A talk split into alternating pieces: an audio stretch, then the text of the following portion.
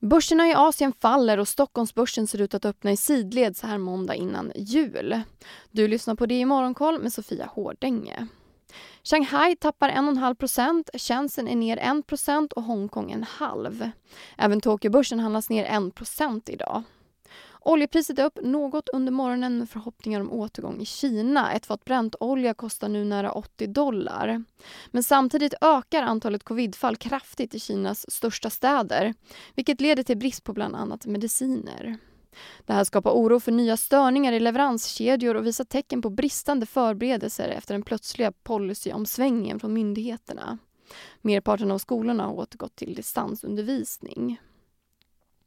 Den japanska regeringen kan komma att se över inflationsmålet för landets centralbank som nu ligger på 2% Det här rapporterar Reuters. Huvudanledningen ska vara att det nuvarande målet har hamnat ur synk givet senaste tidens inflationsuppgång. Det här dementerar dock Japans chefskabinettsledare.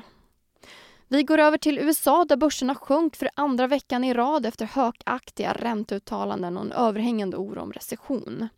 Fed-chefen i San Francisco, Mary Daly, sa i fredags att centralbanken fortfarande har en lång väg att gå för att få ner inflationen. Hon menar att när styrräntan toppar kommer den att ligga kvar där i omkring ett år eller mer om det skulle behövas. Hon tror att toppen blir omkring 5% Vi är specialister på det vi gör, precis som du. Därför försäkrar vi på Swedea bara småföretag, som ditt. För oss är små företag alltid större än stora och vår företagsförsäkring anpassar sig helt efter firmans förutsättningar. Gå in på swedea.se företag och jämför själv. Sant. Elon Musk frågar Twitters användare om han ska avgå som chef för plattformen. Omröstningen publicerades efter att Twitter stoppat möjligheten att länka till flera konkurrerande sociala medier. Åtgärden väckte kritik även bland många användare som tidigare har stöttat Musks sätt att styra Twitter. Så till Sverige. Enligt källor till DI kan Ronny Leten fortsätta som styrelseordförande i Ericsson. I början på september uppgavs Leten ha signalerat till valberedningen att han ville sluta efter fyra år på posten. Och Husqvarnas VD Henrik Andersson kommer att ta tillfälligt ledigt från bolaget för att genomgå en medicinsk behandling. IT-chefen Pavel Hajman kommer att vara tillförordnad VD under hans frånvaro. Balders riktade nyemission om 1,8 miljarder kronor till AMF innebär en utspädningseffekt på cirka 3% i förhållande till antalet aktier och cirka 2% i förhållande till antalet röster i Balder.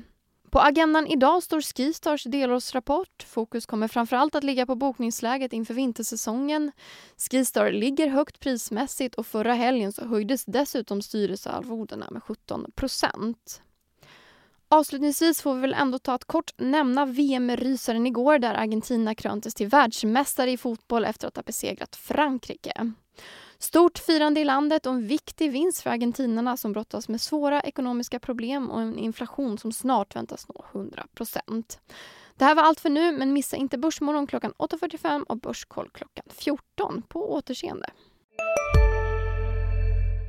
Där det finns ett samhälle, där finns det brott. Krimrummet är podden som tar brottsligheten på allvar. Jag bjuder in landets ledande experter och tar upp aktuella rättegångsfall för att begripliggöra den kriminalitet som kryper allt närmare. Du, alltså, du kan knäcka ett eller några gäng, men det kommer komma nya och så kan vi knäcka dem sen. Men att du ska knäcka allt forever, det kommer aldrig ske. Det är infinite gain. Lyssna på Krimrummet, en podd från Expressen med mig Kim Malmgren. Hej, Synoptik här. Hos oss får du hjälp med att ta hand om din ögonhälsa. Med vår synundersökning kan vi upptäcka både synförändringar och tecken på vanliga ögonsjukdomar. Boka tid på synoptik.se.